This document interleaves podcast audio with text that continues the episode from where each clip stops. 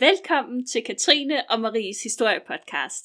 Jeg er Marie, og med mig har jeg jo selvfølgelig vores allesammens yndlings Katrine. Hola! Hola! Hola! Og i dag, der skal vi jo tale om noget hyperaktuelt. En pandemi. Og vi er jo nok nødt til at sige det. øh, Vi havde faktisk aftalt det her for et stykke tid siden. Og så kommer corona ligesom og stjæler vores fonder. Spotlight. Ja, ja. igen.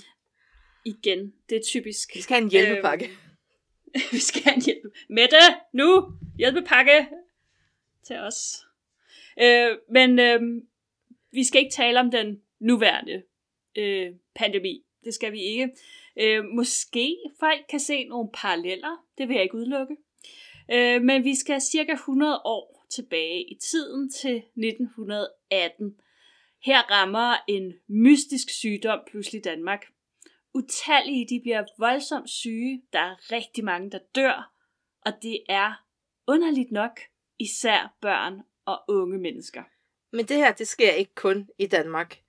I hele verden er der rapporter om den her nye mystiske sygdom, der dræber en masse mennesker, gør endnu flere syge, og der er bare ikke nogen, der ved, hvad det er, og hvad man kan gøre ved det.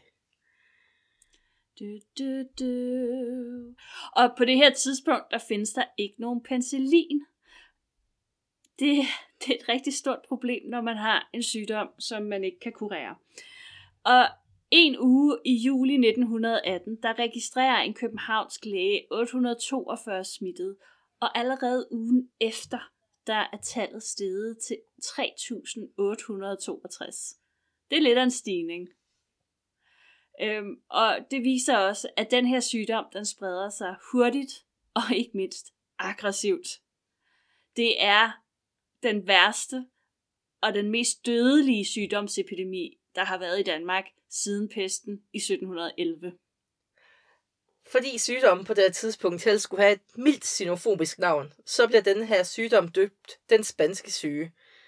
Og det bedste ved det her er, at øh, det havde sådan set meget lidt med Spanien at gøre det her.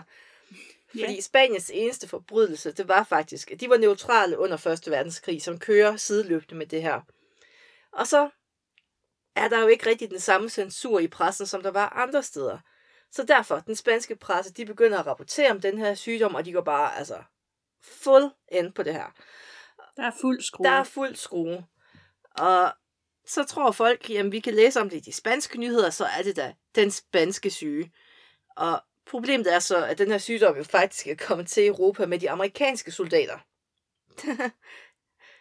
tak, Amerika. Mange fucking gracias, Amerika.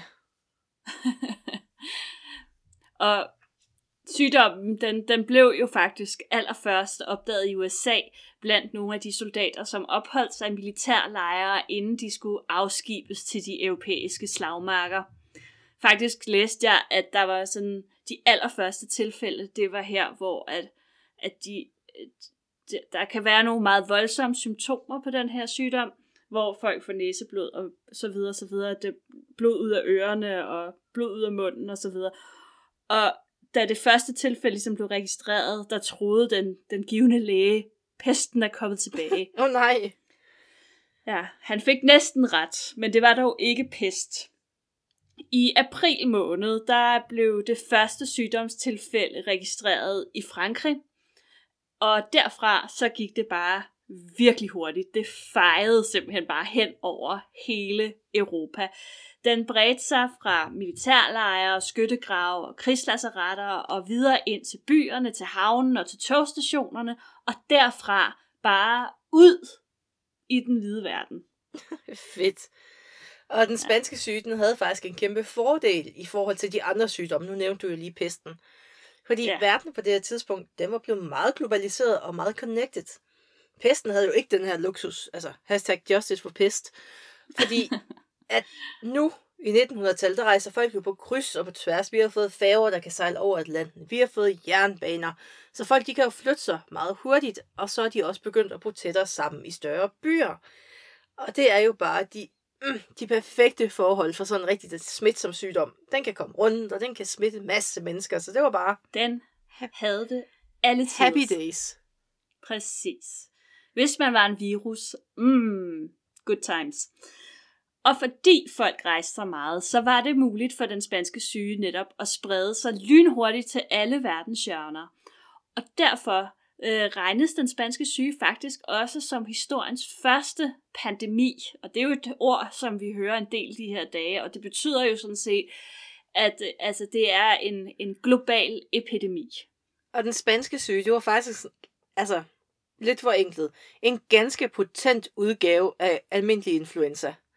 Undersøgelser mm. i 2005, de, der undersøgte man noget lungevæv, der var bevaret fra 1800, nej, 1918, og her kunne man så påvise, at der faktisk var tale om en særlig aggressiv fugleinfluenza-virus, som også er kendt som AHNN1, som efter sine skulle minde meget om den fugleinfluenza HNN, H1N5, som vi så faktisk kender lidt for vores egen tid, som heldigvis mm-hmm. bliver inddæmmet og stoppet i 2010, så længere væk er det faktisk ikke. Nej. Er man sådan kan en kusine ting til den spanske syge ja, i omløb. Det. Fedt, fedt. Og, og nu kan man sige, at, at jeg tror, at alle, der hører den her podcast, er rimelig sådan, de, de ved godt, hvad influenza går ud på nu, ikke? Men vi tager den lige en gang til for prins Knud. Det må du ikke sige nu. Har du ikke set det er dokumentaren? Nå, for det. Oha, den er et meget dårligt Ups. researchet dokumentar. Som, nej, det kan ja, det, det, det, det må vi snakke om en anden gang. Det er en anden tanke. Nå, men influenza er jo en uhyre smitsom infektion, der sidder i luftrøret og i bronkierne. En sådan almindelig øh, omgang influenza giver som regel høj feber, hovedpine og led- og muskelsmerter, og den varer i sådan cirka op til en uge. Og sygdommen den smitter gennem luften øh, ved, at dråber fra syge mennesker rammer raske mennesker. For eksempel ved, at man hoster eller nyser. Eller folk ikke vasker hænder og går og rører ved alting. Please lad være med lad det. Lad være med det. Mm. Den spanske syge, den var en, som sagt mere alvorlig influen- end influenza. Symptomerne de var voldsommere, og derudover så kunne sygdommen nemmere fremkalde en lungebetændelse. Og lungebetændelse på det her tidspunkt, altså det er også alvorligt i dag, men i en mm. tid, hvor der ikke var antibiotika, der var ikke penicillin, der var det rigtig slemt. Altså, der var det nærmest en dødsdom. Ja, det var, det var dengang, det virkelig ikke var sjovt. Mm. Og hele det her, det kunne så medføre blødninger i lungevævet, som betyder, at folk de hoster blod op, det skal ligesom væk fra lungerne. Og de her hosteanfald, de kunne være så voldsomme, at de brækkede ribbenene indenfra. Og der, altså, der var jo blod i systemet nu, så næseblod, oh. karakteristisk blod ud af alle mulige steder, mund og ørerne. Og det betyder jo også, at folk, der går rundt blandt folk, der er smittet af sygdommen, Altså forestil dig, du skal gå rundt og passe folk, der bare bløder ud af ja. alle kropsåbninger nærmest. Ah. Altså det, altså, det, er, det er virkelig... Det er jo sådan noget, ja, man, man fortæller sige. efter arbejde, og så bliver folk bare mere paniske. Ja, altså det er jo, det er, jo det, kan, det er svært at forestille sig, at en influencer kan have den effekt, altså at, at man... Men det bliver vildere endnu, vil jeg sige, ikke? Øh, på verdensplan, der mener man, at omkring 550 millioner mennesker blev smittet af den spanske syge. Og mindst 50 millioner af dem, de døde. Og bare lige for at sætte det lidt i perspektiv, der bor omkring 21 millioner mennesker i hele Skandinavien. Så hvis, Katrine, ja. du, du lige ganger det med to, og så lægger lidt til. Ja, lige præcis. Det er en hulens masse mennesker. Det er virkelig, virkelig mange. I Danmark i 1918, der var antallet af smittede omkring 900.000. Det var også ret mange, vil jeg så sige, på det her tidspunkt. Og dødstallet, det vurderes at ligge mellem 15 og 18.000 mennesker. Når det ikke er mere sådan konkret, så skyldes det, at der, ligesom i dag med coronavirus, formentlig har været folk, som har haft den spanske syge, men som ikke er blevet registreret øhm, og ikke er blevet registreret, da de er døde, om hvad de egentlig er døde af. Så øhm, derfor øh, er det sådan lidt et skøn. Men det er stadig virkelig, virkelig mange mennesker. Det er virkelig mange mennesker. Og som det altid er ved sygdomsepidemier, så er det jo altid ældre og svækkede, der er de mest udsatte. Men den spanske syge havde så lige et lille ekstra trumfkort. For det, stod også, altså det tog også livet af unge og stærke, og egentlig i øvrigt raske unge mænd og kvinder i alderen sådan 20-40 år. Jeg mener faktisk, der var en overrepræsentation lige her. Og så der skal ja. vi jo være bekymrede, Marie, for vi er lige midt i den gruppe. Jamen det er vi. Ej. og det var jo faktisk, altså det var jo lige præcis det, som gjorde, at den spanske syge var lidt ekstra slem, kan man sige, og det er intet ondt ord sagt om gamle og svækkede, fordi... Det, Jo, det, Marie, jo, du siger altid ondt om ikke- dem. Ja, det er ikke i orden, at de dør heller. Men problemet var jo lidt det her, at der var jo ligesom, altså hvis, hvis alle dem, som skulle tage sig af de gamle og svækkede, de også døde. Og så skal vi jo altså, lige huske, man- at Første Verdenskrig tog jo også en ordentlig portion ud af unge mænd. Og så resten, de Ja, ja, så for spansk syge. Og... Ja, lige præcis. Altså, og man kan sige, det var så ikke måske det helt store problem i Danmark, men det havde man så andre problemer med i England og Tyskland og sådan nogle steder, hvor at den spanske syge også var rigtig, rigtig slem. Øhm, altså, det, det var faktisk lidt af en, en katastrofe. Og grund til, at, at den ramte så hårdt øhm, de unge mennesker, Øh, det var sandsynligvis den her type af virus, altså H1N1, som fremprovokerede, og det synes jeg er mega uhyggeligt, fremprovokerede en overreaktion i kroppens raske celler. Altså, det vil sige, at netop fordi de havde et stærkt immunforsvar, så overreagerede det. Øhm, så jo stærkere dit immunforsvar, jo kraftigere overreaktionen. Og i stedet for så at helbrede kroppen, så begyndte immunforsvaret at nedbryde den. Det er så fucking skært. Jamen, altså, jeg elsker, at kroppen har en ki- kill switch på den måde. Og det er jo faktisk Det er lidt så det samme med allergi. Altså for eksempel min allergi. Ja. Altså, jeg kan gå uden en sommerdag, og så får jeg et eller andet ind, øh, noget græs, og så tænker jeg min krop, åh oh, nej, der er et eller andet, jeg ikke forstår. Der er et eller andet, jeg ikke kan tåle. Jeg må hellere begynde at lukke din hals sammen, så du ikke kan ånde. Det er den logiske Ja. måde at reagere på. Ja, Det, jeg slår dig Ja. ihjel for at redde dig. du kan ikke nyse, hvis du er død, Katrine. Jeg skal nok hjælpe dig. Good guy allergies. Ja. ja. Og øh, ja, der sprang jeg lige lidt over der. Øhm, så det var, det var rigtig, rigtig, rigtig træls. Prøv du at Og sige der var- at grine. ja. Vi, vi gør en pandemi lidt mere let og lidt mere glad at vi snakke tager om. det, vi tager det muntert her. Øhm, og hvad der gjorde det endnu mere træls, det var, at den spanske syge ramte ikke bare ligesom én gang. Nej, den kom i tre bølger.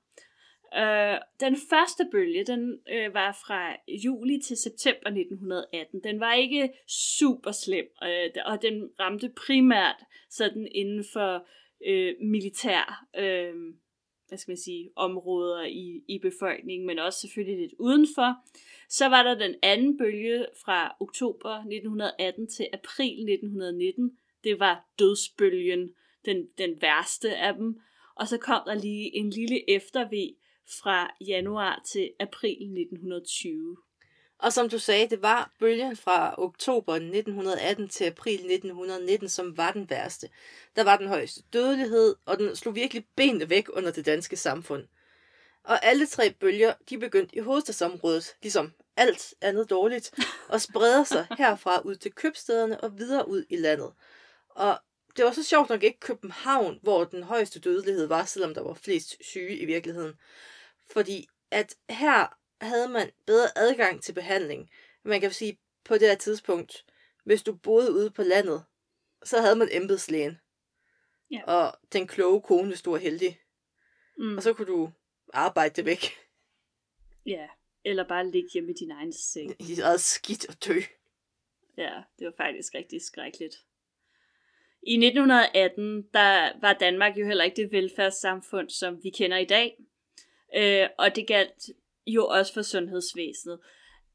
Man havde jo godt nok både hospitaler og læger og sygeplejersker, og man var også kommet rigtig langt siden koleraepidemien i Ej, 1853. jeg vil sige, der var heller ikke mange måder, hvorpå man kunne gå tilbage derfra, for det var jo Nej. ingenting. altså, der var sket rigtig, rigtig meget, både på hygiejnedelen og på hele sådan, den videnskabelige del. Altså, jeg vil meget, meget hellere på hospitalet i, i 1918, end, end bare sådan måske 30 år før.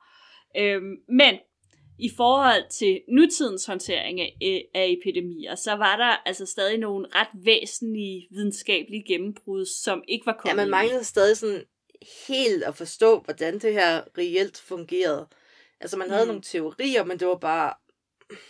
Det var svært at, ligesom at forstå. Ja, også fordi, altså, så vidt jeg kunne læse mig frem til, så, øh, altså, man havde jo ikke, man vidste måske nok godt, at der var noget, man havde i hvert fald noget, man kaldte virus. Øh, men man kunne ikke se virus Nej, fordi- i, i datidens mikroskoper. fordi der er forskel- Altså, fordi de var ikke gode nok. Ja, for der er nemlig forskel på en bakterie og en virus. En bakterie, den, er, Ja. den kan du godt se i et mikroskop. Men en virus, mm. den er bare sådan lille bitte bitte. Ja. Så det var... Og de fungerer også på en anden måde end en bakterie. Og... Men det skal vi ikke Ja, ind i. ja. Det kan blive en lang snak. Og vi er ikke en medicin-podcast. Men det kunne vi godt være.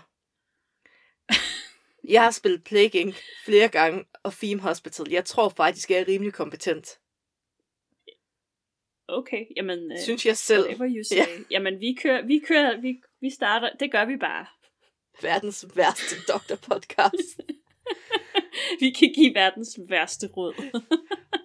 På det her tidspunkt, der var der jo heller ikke penicillin og antibiotika og vacciner. Det var heller ikke noget, man gjorde sig i rigtigt. Og man havde ingen respirator, man havde ingen ildterapi, man havde ingen væskebehandling med drops, så du kunne også dø af dehydrering under den her sygdom. Så fik man lungebetændelse, så var man temmelig fucked. Så var man virkelig bare, altså, så rullede man en terning og håbede, at man slog en sekser i det her. Ja. Og, Det var... Ja. og lægevidenskaben, altså det var jo ikke iler længere, men det var heller ikke moderne medicin, vi arbejdede med. Så det betyder jo Mm. også, at det man lavede, det var meget symptombehandling, og man prøvede at nedsætte feberen, og så håbede man på, at det virkede. Man vidste ikke rigtigt, hvad man gjorde. Man håbede tit. Det er jo det. Og som det, vi jo har set før under andre epidemier, for eksempel koleraepidemien, også pesten, øhm, så opstår der jo en del sådan fake news omkring den her desperate situation om, hvordan, hvad, op, hvad man selv kan stille op mod den her sygdom. Hvordan forebygger man? Hvordan kurerer man, hvis man er blevet ramt af den spanske syge? Og især alkohol blev fremhævet som et styrkende middel øh, af den allerstørste betydning for de her influenza-patienter. Det lyder En af meget årsager- realistisk, synes jeg. Sjovt nok, så var meningerne lidt delte omkring det her spørgsmål. Øh, der var nogen, der hyldede alkohol som et øh, mirakelmiddel mod sygdommen. Der var blandt andet en, øh, en læge i Norge, som udskrev ikke mindre end 8.895 recepter på konjak. det er rimelig godt gået. Er der overhovedet Det så meget konjak i. Norge? Øh, sjovt nok, nu, nu, er, nu det her jo heller ikke en podcast om Norges historie, men så vidt jeg kunne læse, så havde de faktisk øh, forbudstid i Norge på det her tidspunkt. Så det var sådan, altså man måtte kun få alkohol Det er jo ikke fordi, recept. jeg, tror, vil, det er fordi, jeg han- trænger. Lægen siger, jeg skal. Præcis. Altså, jeg tror ligesom, der var måske et andet, en anden ting, der også gjorde sig gældende, end at lægen bare øh, synes, det var øh, super helbredende middel. Øhm, men som sagt, så var meningerne jo også delte, og der var altså også andre, som mente, at øh, alkohol kunne forværre sygdomstilstanden. Og den her diskussion, den var faktisk helt til landstinget, hvor man diskuterede om konjak og hedvin generelt, det kunne betragtes som medicin. Og hvis det kunne betragtes som medicin, så skulle det jo også gives til folk, for eksempel de fattige. Og Ja. til sidst, Gratis. ja, gratis. Uh. Mm. Og til sidst, så skal indrigsministeren simpelthen igennem og siger, at Sundhedsstyrelsen næppe kan gå med til at regne alkohol for medicin. Så den bliver ligesom lukket ned. så er det slut med den diskussion. Men det er jo sjovt nok, fordi altså, i dag, der er det jo stadig sådan lidt et, du ved, sådan gammel koderåd, ikke? At hvis du bliver forkølet, så skal du putte rom i din te og sådan noget. Det har jo ingen bevislig effekt Altså, overhovedet. hvis jeg er syg, så putter jeg altid lidt te i min rom. Det hjælper. Hold nu op. ja, onkel Katrine. I efteråret 1918, der blev situationen endnu mere alvorlig. Grundet antallet af smittede opstod der akut pladsmangel på hospitalerne, og man begyndte at oprette nødhospitaler. Blandt andet fungerede Regensen, altså det her lidt sådan, øh, nu siger jeg kendte, øh, kollegium i, øh, i København som nødhospital, eller som influenzahospital. Og der var en hel række andre missionshuse og skoler og andre sådan halvoffentlige eller offentlige bygninger, der blev inddraget til at håndtere de syge. Men det kan selvfølgelig altid blive værre. Og det bliver nemlig lige pludselig rigtig svært at skaffe læger og sygeplejersker nok til at behandle alle de her syge, der lige pludselig er kommet ind. I Danmark der døde der 29 sygeplejersker og syv sygeplejeelever, som var blevet smittet under deres arbejde. Og det lyder måske ikke af meget, men det var altså alligevel 1% af de sygeplejersker, som arbejdede i det danske sundhedsvæsen. Procentvis Det er ret vildt. er det ret meget. Det er det altså. Og, og man kan så måske godt forstå, hvorfor det var en lille smule svært at rekruttere Ja, øh, nyt, øh, nyt nu er personale. 1% af dem jo døde, men har du ikke lyst til at Ja. prøve? Ja, kom, Kom ind og at alle Kom de her, der bløder ud af næse og mund, altså det er da bare sådan en god begynderting. Ja. Og der var ligesom ikke rigtig nogen tvivl om, at den her situation, den krævede politisk handling. Men hvad gjorde politikerne så, tænker man måske?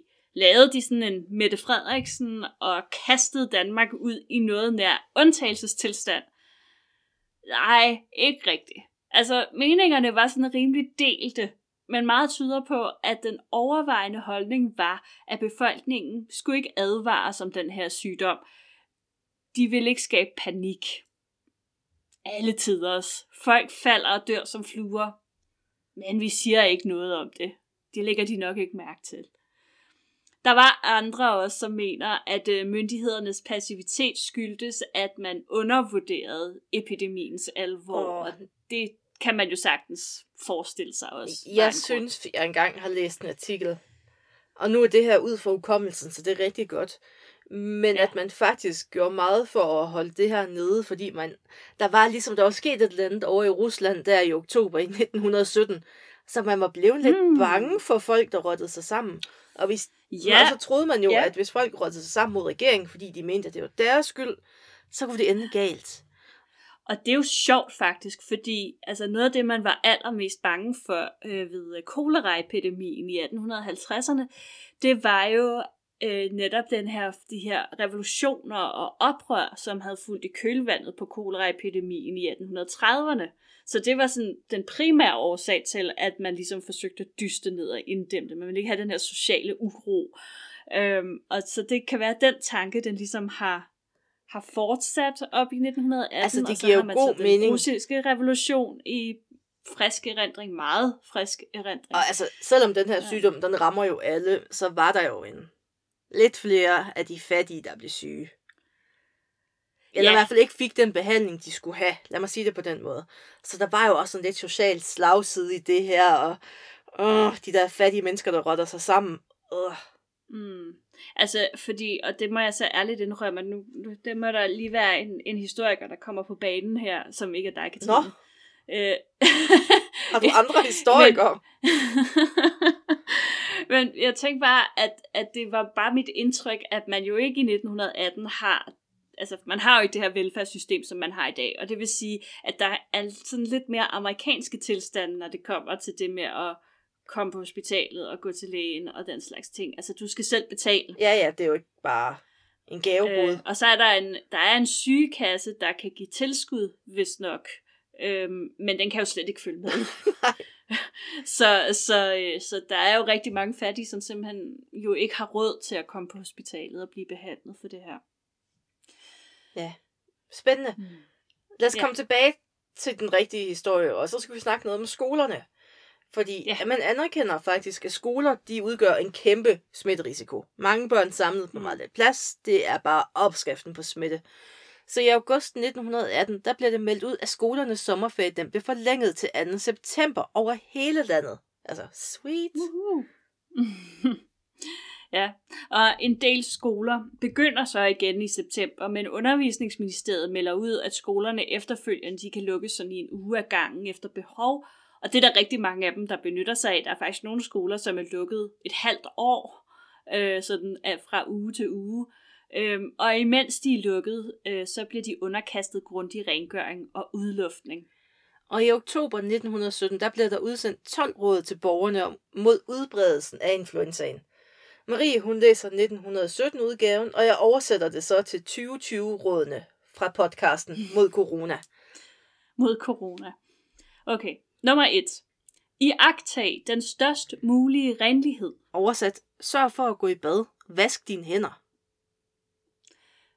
Ho- øh, råd nummer to. Hold hånden for munden, når de hoster eller nyser. Den gælder så sandelig også i dag. Men så lige for at hoste ind i din arm, eller sådan ind i, sådan i albuebøjet, eller hvad det hedder, det område. Og altså aldrig ned i hånden, så er du et klamt, klamt menneske. altså jeg kan ikke sige, hvor meget du frastøder mig, hvis du gør det. Ej, det er meget klamt. Eller bare overhovedet ikke. Bare det der med at hoste eller lyse. Bare sådan... Eller bare ud i, ud i ingenting. Det, ja. altså, Ej, jeg går kan ikke ind for dødstraf, men hvis jeg gjorde, den type mennesker. Præcis. Råd nummer tre. Pas på, at ingen hoster, nyser eller taler ind i ansigtet på det. Det heller, eller hænger sådan lidt sammen med det, jeg lige sagde. Men sørg også for at have en form for sikkerhedsafstand til andre mennesker. Hvis du kan røre dem, så er de for tæt på. Ja, to meter, folkens. Lige meget hvor lange arme du har, så skal du ikke kunne røre dem. nu har jeg mistet overblik over, hvad for et Det er tal, til. Telefontrakten. fire? Og vi, Det er. Hold telefontrakten ren. Særligt, hvis den bruges af mange. øh, giv lige din iPhone og din smartphone, så alle dine devices, din, din computermus, giv dem lige sådan en lille fint tør af med en spritklud en gang imellem. Det er super sundt. Også selvom der ikke er corona i øvrigt. Ja. Sørg for god udluftning af værelserne. Øh, frisk luft har aldrig skadet nogen. Punktum. Hold de raske så vidt muligt borte fra de syge. Øh, det giver sig selv rimelig meget. Du bliver hjemme. Maria og jeg, vi er også hjemme. Det, vi er Mhm. meget. Vi er ikke syge. Nej, øh, overhovedet ikke. Sunde og raske, selvom jeg faktisk har hostet halvt i det her afsnit. Meget sundt, ja. det gør jeg ofte. Ja. Og hvis du ikke er så heldig som også at være sendt hjem, og du er bare et mindst tvivl om, du er syg, så hold dig væk fra andre mennesker. Bliv hjemme. Tak. Mm. Undgå unødvendigt besøg hos de syge. Øh, det giver sig selv, ligesom så meget andet. Gå ikke tæt på syge mennesker. Altså, jeg, jeg vil gerne understrege det. Altså, hvis der er syge mennesker, øh, put dem ud i haven eller sådan noget. Lad være med at pille ved Lad være med at røre dem i munden og på ansigtet og sådan noget. Videre. Mm, neder. Lad med at Hvorfor er gå det, at. Serum Instituttet ikke har ansat os, Marie? Jeg ved det ikke. Det er et spørgsmål om tid efter det her. Der er flere råd. Stå ikke for tidligt op efter sygdommen. Og det er ret universelt i øvrigt, også i forhold til andre smitsomme sygdomme. Bare fordi, at du mener, at du er nogenlunde ok igen, så tag lige den der ekstra dag. Bliv lige hjemme. Du kan nemlig stadig smitte, og du... Og hvis man... Jeg har prøvet at arbejde med folk, som kommer på arbejde, sådan, hvor man tænker, det var nok en dag for tidligt det her.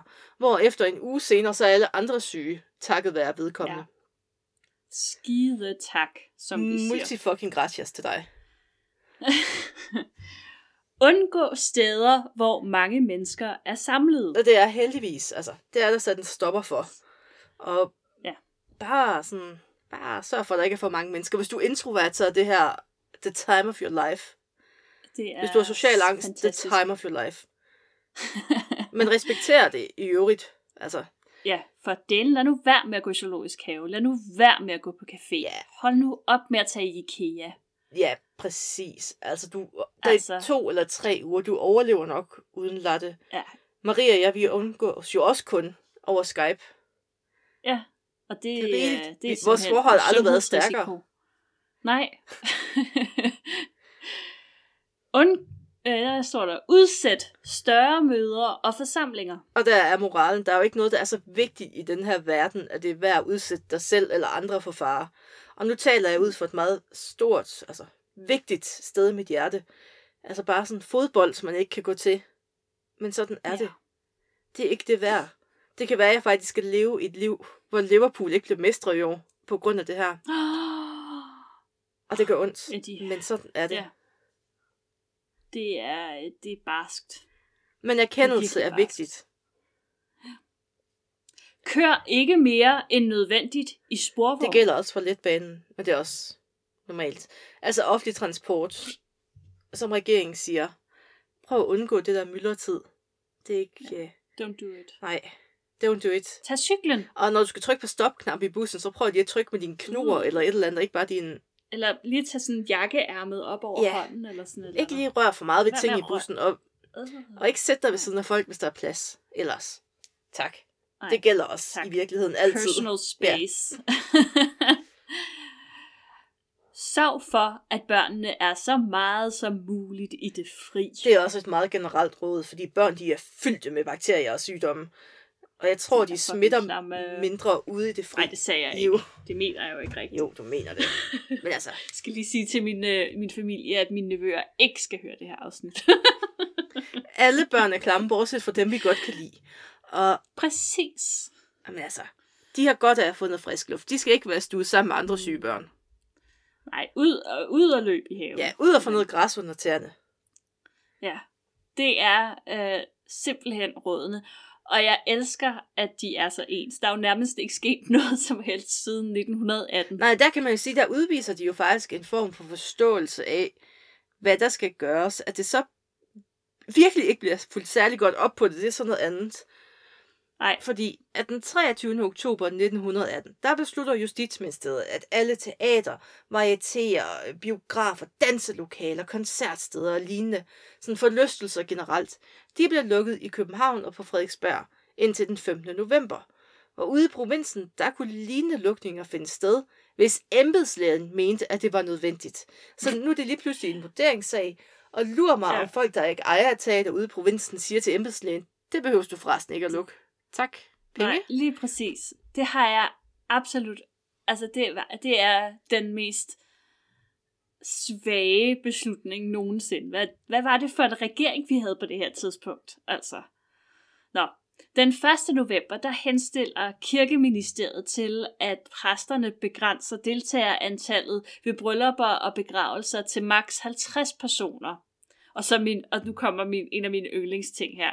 Derudover skulle gudstjenester forkortes til 30 minutter. Og mit spørgsmål gik man stadig til nadver i den? Altså, I, I løbet af de 30 skulle man minutter? stadig op ved alderet og sidde tæt med andre mennesker og Det er faktisk et godt spørgsmål. Og drikke det der alterbager og sådan noget. spise brød, præsten lige har rørt ved? Iu. Ja. Man kan ikke nå særlig meget på 30 minutter. Altså, det går ikke specielt hurtigt til de der Man må tage nogle af de der hurtige salmer, og så bare altså første og sidste vers. Det er slut med et barn, der er født i Bethlehem og sådan noget til jul. Den er alt for lang. Du kan vælge, vil du have en helt gudstjeneste, 265 eller vil du have et barn, der er født i Bethlehem? Lige præcis.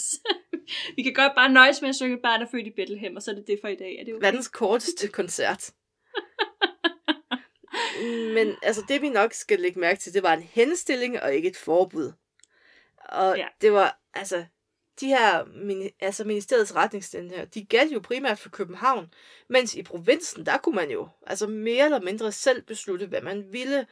Og det var ikke, altså det var ikke en effektiv måde at inddæmme den her sygdom på, fordi at, som vi ved i dag, så er det som regel en meget altså, hård og kollektiv indsats, der hjælper. Mm. Altså det er jo samme, hvis vi sagde, at de her regler, vi har nu, de ikke galt for Fyn. Ja, Nu, så var det lidt lige ja, meget, ikke? så er det sådan lidt, nå. Ja. Om vi kan jo ikke udelukke, at det har haft en effekt, men øh, sygdommen, den buller altså stadig videre, og folk, de dør som fluer i den her periode. Ja. Og man kan sige meget om den spanske syge, men i det mindste var den demokratisk. Det vil sige, at den, den ramte både højt og lavt i samfundet. Men som du sagde tidligere, Katrine, det gik selvfølgelig lidt ekstra hårdt ud over de her tusindvis af fattige, der levede på samfundets bund. I de her slumkvarterer, stuet sammen i dårlige og fugtige og beskidte boliger. Og øh, vi havde jo ikke noget velfærdssamfund dengang, så der var ikke nogen hjælp fra staten, som i ingen. Og derfor så blev det kirker, det var læger, det var sygeplejersker, og det var hjælpsomme frivillige, der på eget initiativ trådte til og organiserede brændselshjælp og mad og øh, lindrende pleje til de døende, og hvad de her folk nu ellers havde behov for i en meget svær tid. Skal jeg tænke på, at det her det er jo altså også oktober-november. Øhm, det er kolde måneder, øh, og øh, Der er rationering og på grund af krigen, der, og er, der er rationering, ja. Øhm, så, så der er brug for hjælp, ikke? Og staten, de gør ingenting. Altså. det må folk er selv sådan ligge og rode lidt med. Man ligger, som man har ret. Har man penge, så kan Og, man få. øhm, Det sidste øh, og vigtigste punkt, som de her øh, private folk, de jo sørger for, som staten heller ikke tager ansvar for, det er jo varetagelsen af alle de mange børn, som bliver forældreløse, fordi forældrene dør af den spanske syge. Noget, Gift. jeg også kom til at tænke på, Marie. Kan du huske ja. dengang, vi snakkede om sanatorier? Ja. Hvor, at, hvor vi snakkede om, hvordan kosten jo også spillede ind i behandling af meget syge mennesker. Mm. Jeg tror, der har været dele af samfundet på det her tidspunkt, der nok heller ikke har fået. Hvor meget pølse var det, man skulle have om dagen? Oh, det kan Det var meget huske. pølse. Det var rigtig Og så meget pølse, tror jeg slet ikke, man fik. Nej. Så. Nej, nej, nej. Og altså, det gør det jo var heller, altså så har du heller ikke rigtig... Altså det er ikke fordi, Du har ikke noget at stå imod med. altså vi havde det ikke som... Jeg ikke sige, at det bare var armod det hele, og... men øh, der var nok heller ikke de bedste forudsætninger for alle mennesker. Er det ikke Nej, det mest korrekte at sige? ingen måde. Jo. jo, det tror jeg bestemt. Og myndighederne, de tog sig jo ikke særlig godt ud efter det her. Og epidemien, den æbber ud, og nogle historikere, de mener, at grunden til, den spanske syge, den, altså det er jo lidt en fodnote i dansk historie i virkeligheden, Mm. og egentlig også i forskningen, det er, fordi at regeringen sådan har sagt, det behøves vi ikke at tale så meget om, hvordan vi håndterede det her. Altså, man har prøvet at Mm. tyste lidt ned i virkeligheden, fordi at det er bare, altså, det er ikke den bedste refleksion på den regering. Det må man sige. Altså, og det er... Øhm, der var jo ikke rigtig nogen, der, der fremstod som helte. Nej. Altså, den kom jo ligesom ikke ud på den anden side. Epidemien, den, den æbbede ud og forsvandt. Og folk var sådan lidt, hey, det var ligesom jer, der skulle have taget ansvar for, at det ikke gik så galt. Og så har man ligesom bare, nej, det snakker vi Næh. ikke rigtig om mere. Så, så det er egentlig sjovt. Altså, jeg er jo bare sådan en ganske almindelig, kan man sige, øh, historisk interesseret person, ikke? Øhm, og, og, og jeg vidste ikke særlig meget om den spanske syge. Altså, jeg vidste godt, den havde været der, men jeg vidste ikke særlig Jeg meget var om den. overrasket over, at den har slået så mange mennesker ihjel. Altså, jeg har tænkt sådan, måske ja. 10.000. Ja, Men ja, ja, det er vildt, at man har talt så lidt om den. Men som sagt, øhm, den spanske syge slipper sit greb om Danmark i løbet af 1919, selvom, som vi nævnte tidligere, der er sådan et lille udbrud i København i 1920. På det her tidspunkt, der havde øh, mellem 15.000 og 18.000 mennesker mistet livet, og det svarer til cirka en halv procent af den daværende og en befolkning. halv procent, det lyder jo ikke meget, men det er det, Det er i det. praksis. I praksis er det mange mennesker, der lige pludselig er taget ud af ligningen. Ja. Og så er det brændende spørgsmål nok derude. Skal vi være bange i dag? Der er ligesom et eller andet, der rumsterer lidt i baghovedet. Og Mm. mit bud er, nah, altså, vi er bedre stillet medicinsk. Så hvis vi nu alle sammen tager det lidt alvorligt og gør vores til, at vi ikke spreder sygdommen, den der kurve, de hele tiden viser, hvis vi så hjælper alle sammen med at flade den ud, så er det bare herrefedt. Og så er der også den der almindelige sund fornuft. Den er også rar at bruge en gang imellem. Det vil jeg anbefale. Og så, hvis jeg har taget voldsom fejl nu, og alle er døde, og det er faktisk fremtidens mennesker, der hører den her podcast som eksempel på ægte idioti, og hvor naiv vi var. Hej med jer. Hej hej. Hej. Her er vi. Se, hvor dumme vi var. og øh, man kan sige, i, i de her øh, coronatider, øh, der synes jeg i hvert fald, at det jo er, det er jo interessant at, at høre det her, hvor mange ligheder der i virkeligheden er med håndteringen øhm, af sådan en sygdom. Bortset fra, at vores regering rent faktisk tager den meget alvorligt øh, og, og laver meget markante indgreb i vores samfund, modsat det, man gjorde i 1918. Og vi kan jo ikke vide, hvordan det kommer til at gå, før alt det her det er overstået. Men øh, som det ser ud nu, så tror jeg umiddelbart heller ikke, at vi når op på det samme dødstal, som man gjorde der i, i 1918. Så øhm, hvad er det, de siger? Hold, hold sammen på afstand. Ja, og følg med på coronasmitte.dk og historiepodcast.dk og Og Facebook og Instagram, og, og hvor man nu ellers kunne forestille sig at, at finde ny info. om og, corona og historiepodcasten. De er to ting, I skal Ja. koncentrere jer om derhjemme. Lige præcis. Og så pas rigtig godt på jer selv, og vask nu jeres hænder godt og grundigt. Hold afstand. Og med de ord, tak Hold. fordi I lyttede med.